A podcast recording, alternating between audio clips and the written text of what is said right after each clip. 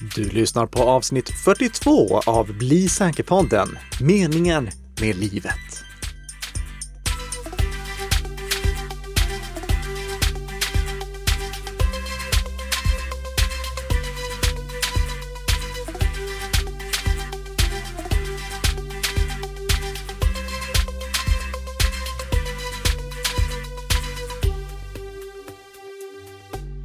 Ja, god morgon, god morgon och varmt välkomna till Bli säker-podden med den alltid lika förtjusande Tess Hamark, va? Och Karl-Emil Nicka. Ja.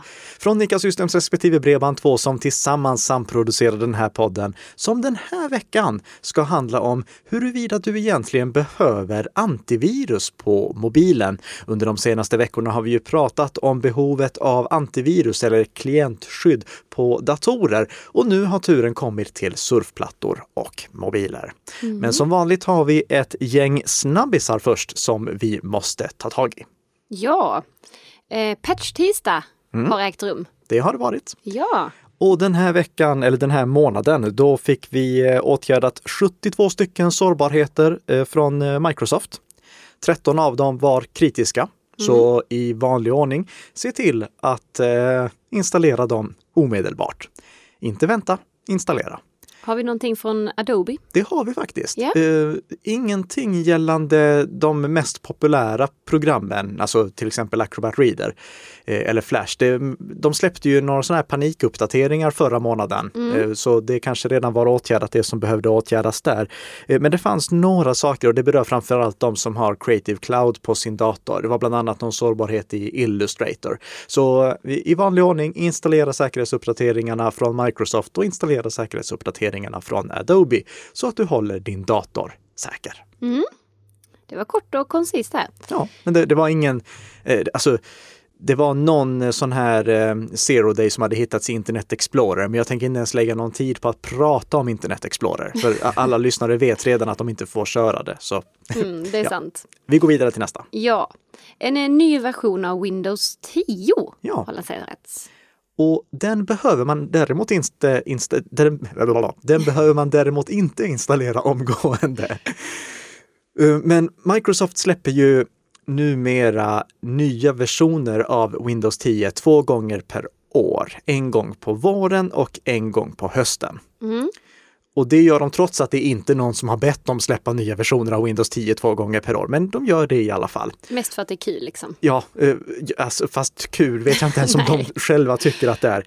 Eh, men de, har i alla fall nu släppt nästa version av Windows 10 som heter Windows 10 1909, även känd som eh, Windows 10 September 2019 Update. Men den släpptes i november. Ja, eller Windows 10 19H2 uppdateringen. Kärt Mm. barn har många namn och det här är inte ens ett kärt barn. Okej, men vad, vad, vad kan vi se här då? Finns det någon förändring? Jag fick verkligen anstränga mig för att hitta någonting nytt. Det, det, det ser så. identiskt ut med eh, förra Windows 10-uppdateringen, Windows 10 1903. Jag, jag hoppas verkligen att det här är ett tecken på att Microsoft kommer gå lugna ner sig lite och kanske släppa en stor uppdatering på eh, våren och sen bara en liten, liten, liten fixuppdatering på hösten. För det, det är i alla fall det vi har fått i år och det, det vore faktiskt jätteskönt för mig och jag tror för alla som arbetar med att underhålla datorer att bara ha en Windows-uppdatering per år. Windows är idag en sån mogen programvara att den inte behöver funktionsuppdateras mer än en, en gång per år och knappt det. Men vad var det för eh, smågrejer du hade hittat då? Så små att de knappt är värda att gå igenom. Alltså, det är så. det, det, jag hittade att eh, nu kan man skapa nya kalenderposter direkt från menyraden. Så Mm. man kan klicka på kalendern ner i menyraden och skapa, menypost, äh, skapa nya kalenderposter. Eh, Det finns lite bättre sorterings och hanteringsversioner för notiser. Utforskaren har nu en bättre OneDrive-integration i sökfunktionen. Eh, Men det är liksom på den nivån Okej. Ja. det, det kan hända att det har hänt massa saker under ytan som inte vi användare märker. Eh, För det, det utvecklar de ju hela tiden. Mm. Men det är inte så att du behöver installera den för att det finns någon sån här fantastisk ny funktion som alla vill ha. Nej. Eh, Som att de till exempel skulle ha moderniserat och eh, gjort eh, den nya inställningsappen och kontrollpanelen mer harmoniserande så att inte hälften av funktionerna finns på ena stället och hälften av funktionerna på andra stället. Mm. Utan det, det, är en liten uppdatering. Nästa stora uppdatering räknar vi då med att kommer i, eh, I vår. I vår. Mm.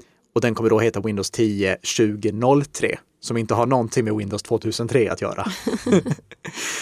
Ja, de, de, borde, de, de, borde öva lite på att eh, namnsätta sina Windows-uppdateringar. Nu, nu, känner jag att jag har varit onödigt eh, negativ här i början på dagen. Jag ber om ursäkt om det är någon som tycker att jag är väldigt negativ nu. Men det, det, är, det är, inte mot Windows i sig jag är negativ, utan bara mot den här uppdateringshysterin. Mm. Inte säkerhetsuppdateringshysterin, den är jättebra. Det är perfekt att de släpper uppdateringarna en gång per månad vid ett fast tillfälle. Men funktionsuppdateringarna behövs inte. Nej, det var en liten besvikelse där kanske då.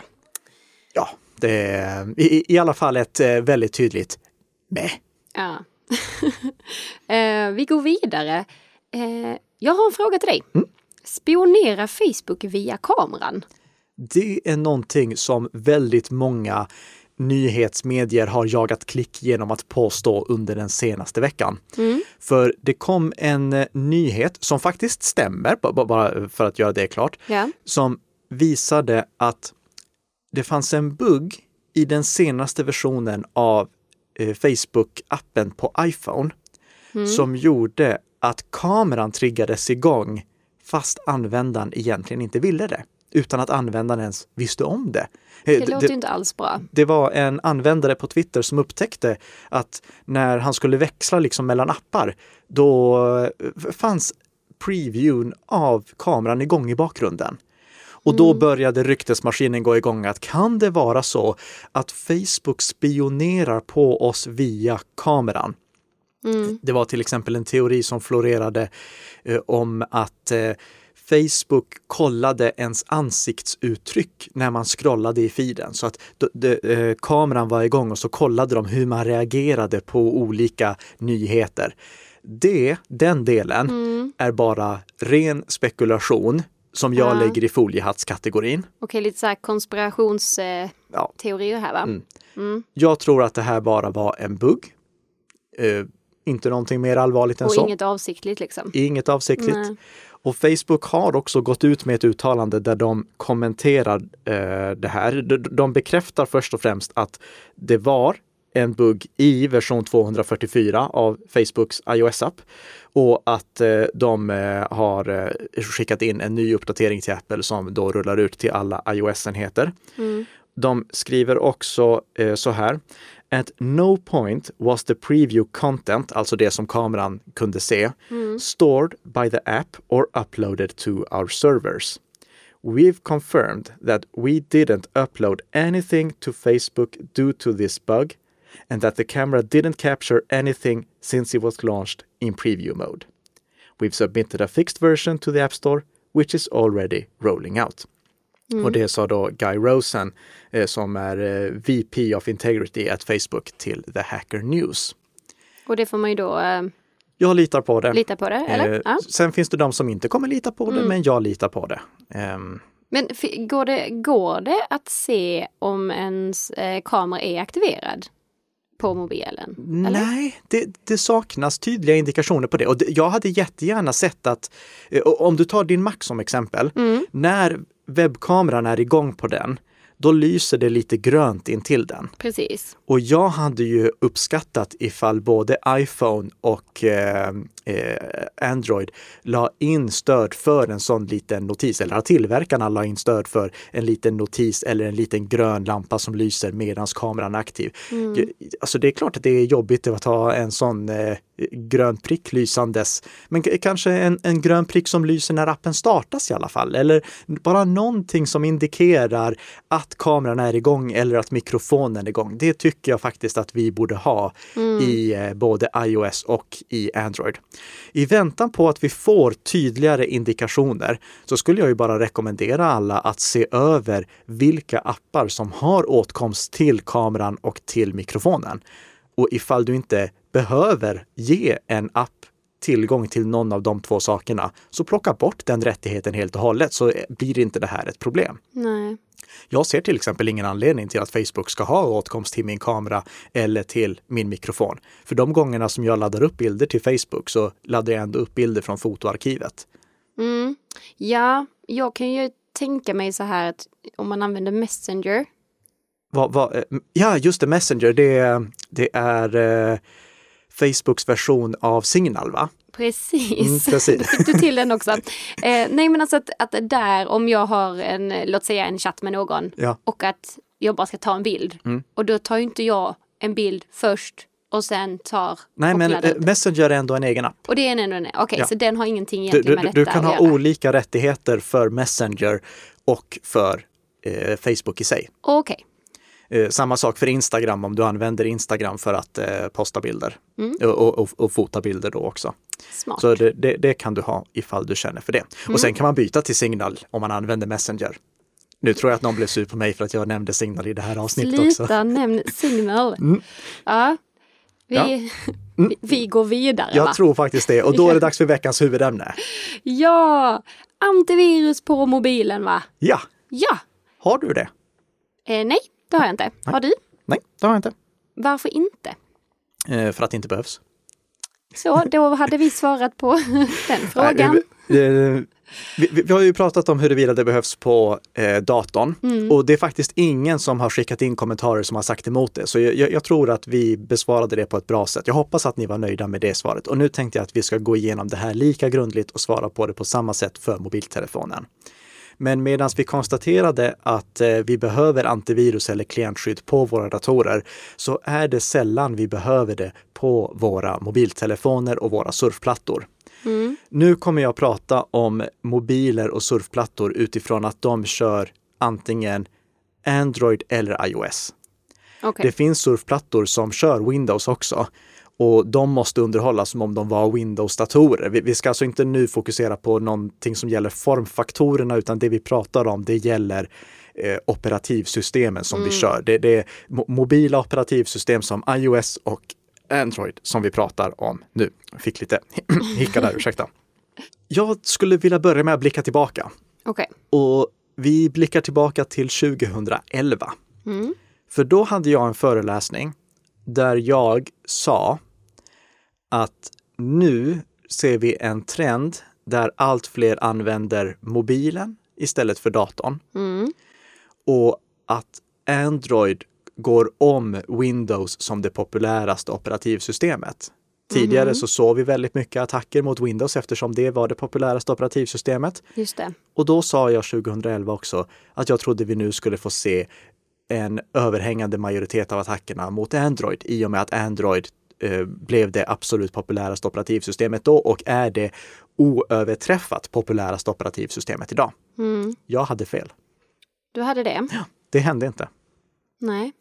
Och det beror troligtvis på att eh, det, det, det beror på flera faktorer, men huvudfaktorn skulle jag säga är att Google har lyckats bygga ett modernare operativsystem som är svårare att attackera jämfört med Windows och MacOS. Men varför kan man inte liksom göra samma sak på Windows då till exempel?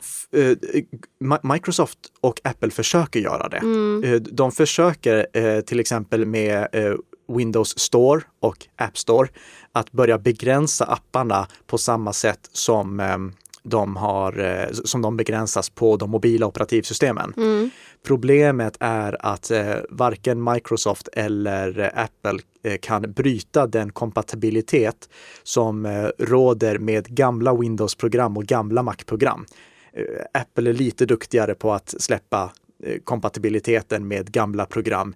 Eh, Men Microsoft kan inte göra det på samma sätt och det är för att för många företag förlitar sig på gamla Windows-applikationer som de måste fortsätta kunna köra. Ah, okej. Ah. Eh, Microsoft försökte i samband med eh, Windows Store-lanseringen att införa begränsningar för vad appar får göra. Och då kunde de till exempel begränsa huruvida apparna skulle få tillgång till eh, mikrofonen och till kameran och liknande. Mm. Men för att upprätthålla kompatibiliteten så har de också lagt till eh, alternativet tillgång till allt. Oh, okay. och då, då, då, faller liksom allting pladask. Ja, om, om, en app kan be, ja jag vill ha tillgång till allt. Ja. Mm. Men, men, det är för att annars hade de inte liksom fått in några appar i Windows Store och det, det problemet drar, dras de fortfarande med. Om ni kollar utbudet av appar i Windows Store så är det horribelt. Det är bara skräpappar som finns där. Nej, förlåt. Det är nästan bara skräpappar som finns där. Bra rättelse där. Det, alltså, det, finns vissa, uh, Spotify finns där till exempel numera mm. också och det, det, är inte en skräpapp. Men i, i, alla fall, uh, på grund av det här eh, behovet av bakåtkompatibilitet med program från liksom 90-talet så har inte Windows och MacOS kunnat bli lika säkra. Men när mobiltelefontillverkarna eller uppfinnarna av de mobiloperativsystemen, Google och eh, Apple, fick möjlighet att börja om på ett nytt papper och tänka hur ska man bygga ett modernt operativsystem utan att behöva ta hänsyn till massa gamla appar då kunde de införa de här säkrare metoderna, de här säkrare sätten att ge appar åtkomst som gör att det har varit mycket, mycket svårare för appar att, eh, för skadliga appar att få spridning på de mobila operativsystemen. Mm. Och sen ska vi inte glömma att när du installerar ett program på din Windows-dator eller Mac, då laddar du oftast ner det från tillverkarens webbplats. Ja. Du går inte via appbutiken. Nej. I och med att appbutikerna även på Mac fortfarande är för eh, tomma. Det, det mm. finns inte ja, tillräckligt många bra program där. Mm. Jag, jag installerar, och om programmet finns i både appbutiken och på tillverkarens webbplats, då installerar det alltid via appbutiken. Mm. Men annars så eh, har du inget val än att gå till eh, eh, tillverkarens webbplats och ladda ner det därifrån. Det gör du knappt någon gång i eh, Android eller iOS-sammanhang. Nej. Utan du går alltid via appbutiken. Och därigenom kan Google respektive Apple ha väldigt bra kontroll över vilka appar som får möjlighet att installeras på dina enheter. Mm. Och det har skyddat väldigt mycket. 2011 då var det inte, eh, då kan jag säga, då var det oftare jag installerade manuella program på min mobiltelefon, på min eh, Android-mobil. Alltså laddade ner mm. en APK-fil och installerade den manuellt istället för att gå via Google Play eller Android Store eller vad det nu hette på den tiden. Det har, alltså jag tror knappt att någon gör det idag. Idag så går man alltid via appbutiken med ett litet undantag för Fortnite. Och jag har redan för några avsnitt sedan gett en känga till, eh, vad heter utvecklarna av Fortnite? Oh, jag minns inte. Um, vad heter de? Epic Games. Där, ja. åh, snyggt. Mm, ja. Och jag, jag, har redan gett en eh, känga till Epic Games för att mm. de uppmanade eh, sin troligtvis dessutom ganska unga målgrupp att installera APK-filer manuellt. Och det är liksom, det är det sättet som Android-enheter blir infekterade idag. Det är väldigt sällan, eh, det har hänt, men det är väldigt sällan som skadeprogram slinker igenom Googles filter. Mm. Så är det, liksom, är det någon skillnad här på Android och iOS? Ja, det, där är det faktiskt en skillnad för att på Android så kan du installera appar manuellt. Mm. Det kan du inte göra på iOS med en liten, liten, liten reservation. Och det är ifall du eh, använder till exempel Testflight, ett, eh, en metod för att testa appar som utvecklare håller på att utveckla för tillfället. Mm. Då kan du göra det, men det ska du aldrig göra på din vanliga mobiltelefon. Eh, så om du har en vanlig mobiltelefon som inte är eh, liksom gjord bara för att testa appar som utvecklas för tillfället, mm. då är det inte problem. För du kan bara installera appar från App Store. Du kan inte installera dem någon annanstans ifrån. Och då måste de gå igenom Apples kvalitetskontroll som har brustit, ja, men det är så otroligt sällan att det, det är liksom inget problem. Så du behöver inte ha ett klientskydd, populärt kallat antivirus, på din mobiltelefon så länge som du kör en mobiltelefon som får säkerhetsuppdateringar. Mm. Och du bara installerar appar från appbutiken, den officiella appbutiken Google Play eller iOS. Då klarar du dig helt och hållet utan ett klientskydd. Men finns det då någonting för Android då? Ja, det, det, det, finns ändå klientskydd för Android. Ja. Och det är för att om du nu tycker att det är kul att testa lite sådana här eh, appar som du hittar utanför Google mm. Play. Det brukar vara i så fall i samband med piratkopieringssammanhang, vilket vi självfallet avråder från av Absolut. många anledningar. Mm. Eh, alltså, och, och då menar jag inte bara etiska anledningar utan även av säkerhetsskäl, för Mm. du, du har ingen kontroll på vad som kan finnas i piratkopierade appar. Men i alla fall, om du installerar sådana, då skulle jag definitivt rekommendera dig att du har ett klientskydd. För när eh, AV-test och AV-comparative, som vi har pratat om tidigare, har jämfört hur bra olika klientskydd för Android är på att detektera skadeprogram, då är Google Play Protect, det inbyggda klientskyddet i eh, Android, fortfarande sämst. Okej. Så d- då kan det finnas en poäng eh, med det. Eh, samma sak ifall du inte har säkerhetsuppdateringar, om du inte får säkerhetsuppdateringar till din Android-mobiltelefon. Men då skulle jag ändå rekommendera dig att byta ut den. När din mobiltelefon inte längre får säkerhetsuppdateringar, då är det dags att byta till en nyare modell. Men fi- finns det någon, eh, alltså något speciellt klientskydd som du skulle rekommendera? Ja, det, vi har eh, pratat om eh, F-Secure tidigare. D- Deras gör Mm. Det är ett liksom alldeles utmärkt som- jobb. Ja. Mm, Okej. Ehm, Men det, det finns många fler. Och, och jag kan säga också att Google, det, det här är en, eh, nyhet som vi inte haft i veckans snabbisar, men de eh, startade ett projekt nu i november som heter eh, App Defense Alliance. Och där ingår då eh, Google och ESET, Lockout och Simperium. Eh, De som jag eh, rekommenderade i tidigare avsnitt, F-Secure och Bitdefender, de är inte med där. Okej. Men eh, ESET Lockout och Simperium är fantastiska de också när det kommer till Android. Så för att Google ska bli bättre på att stoppa appar som är skadliga innan de kommer ut till Google Play, då kommer även ESET och Lockout, eller Lookout och Simperium att skanna dem. Mhm. Li- li- Lite som Virus Total som vi pratade om Ja. i eh, förra avsnittet. Just det, Så G- Google tar hjälp av fler skanningsmotorer Mm. för att hitta skadeprogram innan de kommer ut i Google Play. Mm. Men eh, de, de har redan där Play Protect och nu Play Protect i kombination med eh, App Defense Alliance kommer göra att det blir ännu svårare att sprida skadeprogram på Android-plattformen. Inte omöjligt, men så pass osannolikt om du har god IT-säkerhet i övrigt, alltså inte installerar alla appar som du l- liksom hittar, eh, utan du är lite restriktiv med vilka appar du installerar och du eh, kontrollerar att de kommer från pålitliga utvecklare, eh, så länge som du gör det och håller apparna uppdaterade också såklart. Då behöver du inte ett klientskydd, populärt kallat antivirus, på din Android-enhet. Nej. Eh, hur är det då med iOS? Behövs aldrig under några som helst omständigheter. Nej. Okej, eh, vill du förklara varför? I, Förutom det, du har redan sagt. Liksom. Ja, det, det, det kan jag göra, det- men e- egentligen om, om ni... Det, det, det var egentligen hela svaret. Ja, det var det, ja. Om man kollar på hur vissa eh, klientskyddstillverkare marknadsför sina produkter för iOS, Mm. Då står det till exempel antivirus för iPhone eller antivirus för iPad. Och det är skitsnack. Det, det, det, det stämmer inte. Det finns inga antivirus för iOS. Det går inte ens att skapa ett antivirus för iOS. Nej. N- när Apple skapade iOS, då, då satte de också gränser för vad olika appar kan göra.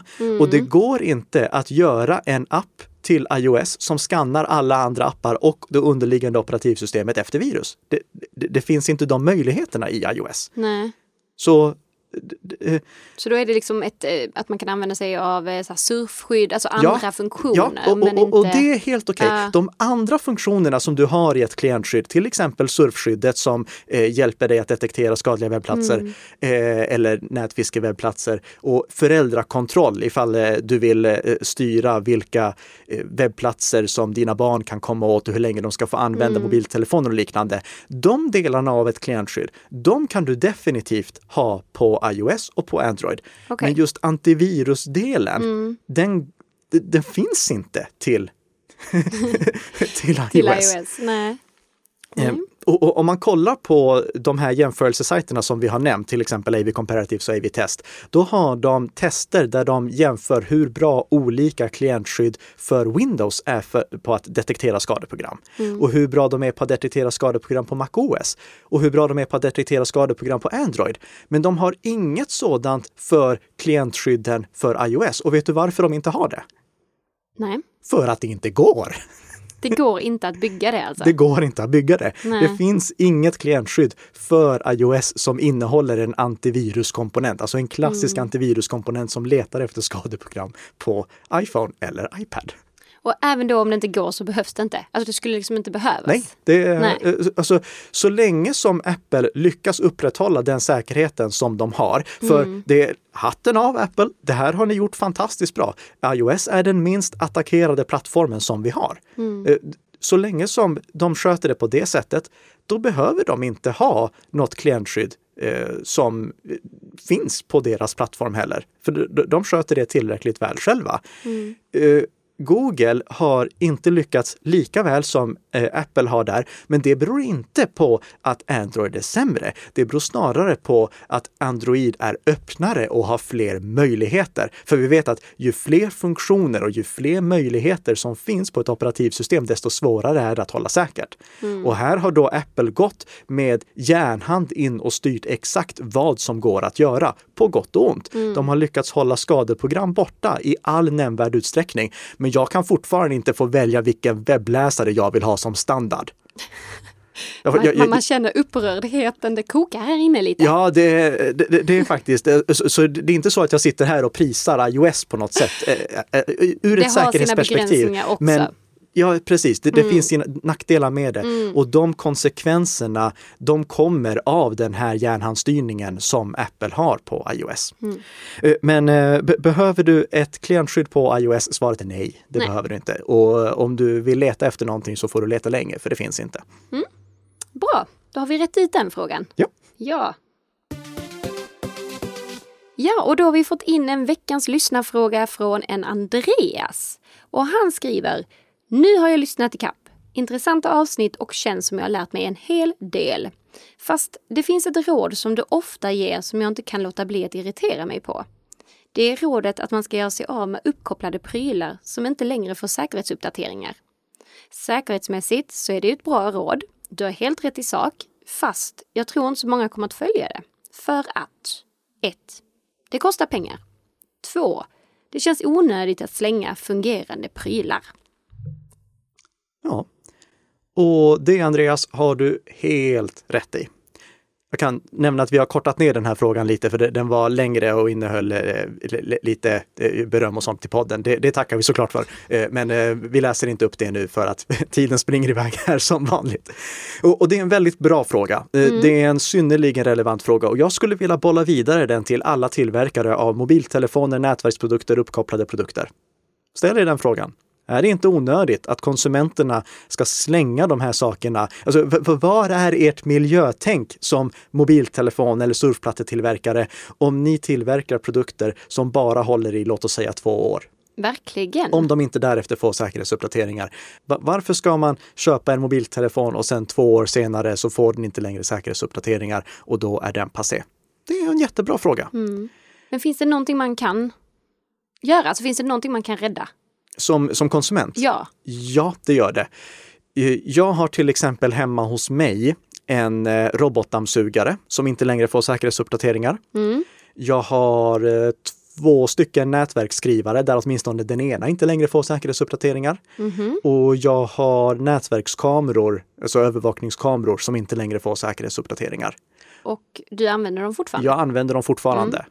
Och då undrar ju nu alla lyssnare, men Nicka, sitter du här och kastar sten i glashus eller som min förra kollega John sa, kasta bäver i trähus? Man kan använda vissa produkter trots att de har slutat få säkerhetsuppdateringar om man blockerar åtkomsten till internet för dem. Mhm. För att om de saknar internetåtkomst, då är det mycket, mycket svårare för maskar på nätet att infektera dem.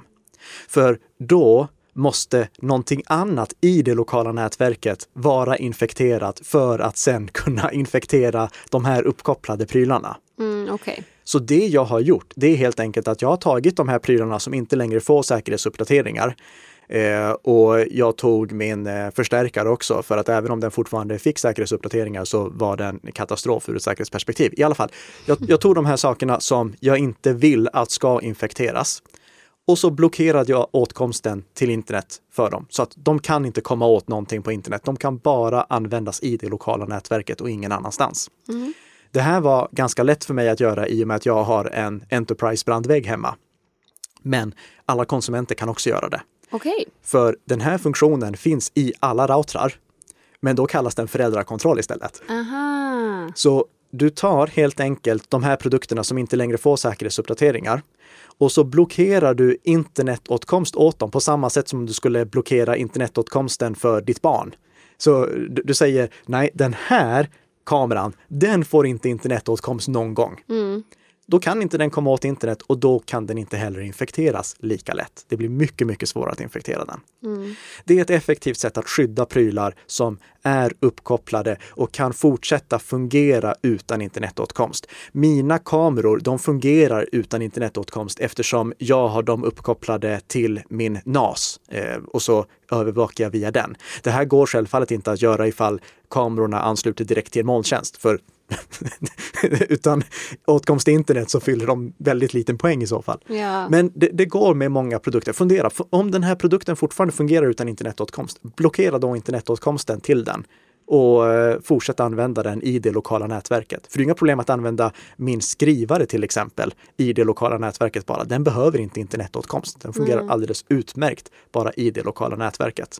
Men det är ganska kört för en telefon eller eh, en router till exempel. De två sakerna måste ju ha uppkoppling mot internet. Mm. Annars fyller de ingen funktion alls. Nej. Och där finns det inget du kan göra. Om din mobiltelefon eller din router slutar få säkerhetsuppdateringar, då måste du byta ut den. Det enda rådet jag kan ge där, det är att om du är missnöjd med hur länge din tillverkare av mobiltelefonen, routern eller vad det nu än är, underhöll just den produkten, visa att du är missnöjd genom att köpa produkten från någon annan tillverkare istället. Mm.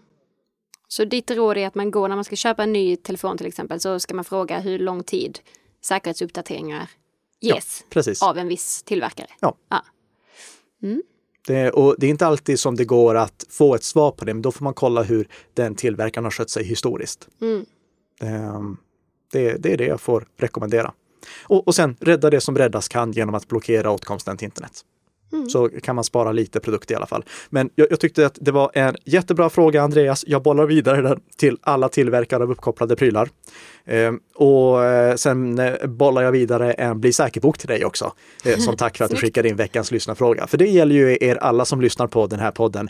Om ni bidrar med veckans lyssnarfråga, då kommer ni att få Bli säker-boken som tack för Ja, och nästa vecka så kommer vi faktiskt gästas av grundskolläraren och författaren Karin Nygårds som kommer prata lite om barn och säkerhet. Just det. Ja, och det vill ni inte missa. Definitivt inte. Vad är det bästa sättet att säkerställa att man inte missar ett så intressant avsnitt? Jag skulle nog säga att prenumerera på den här podden, va? Just det.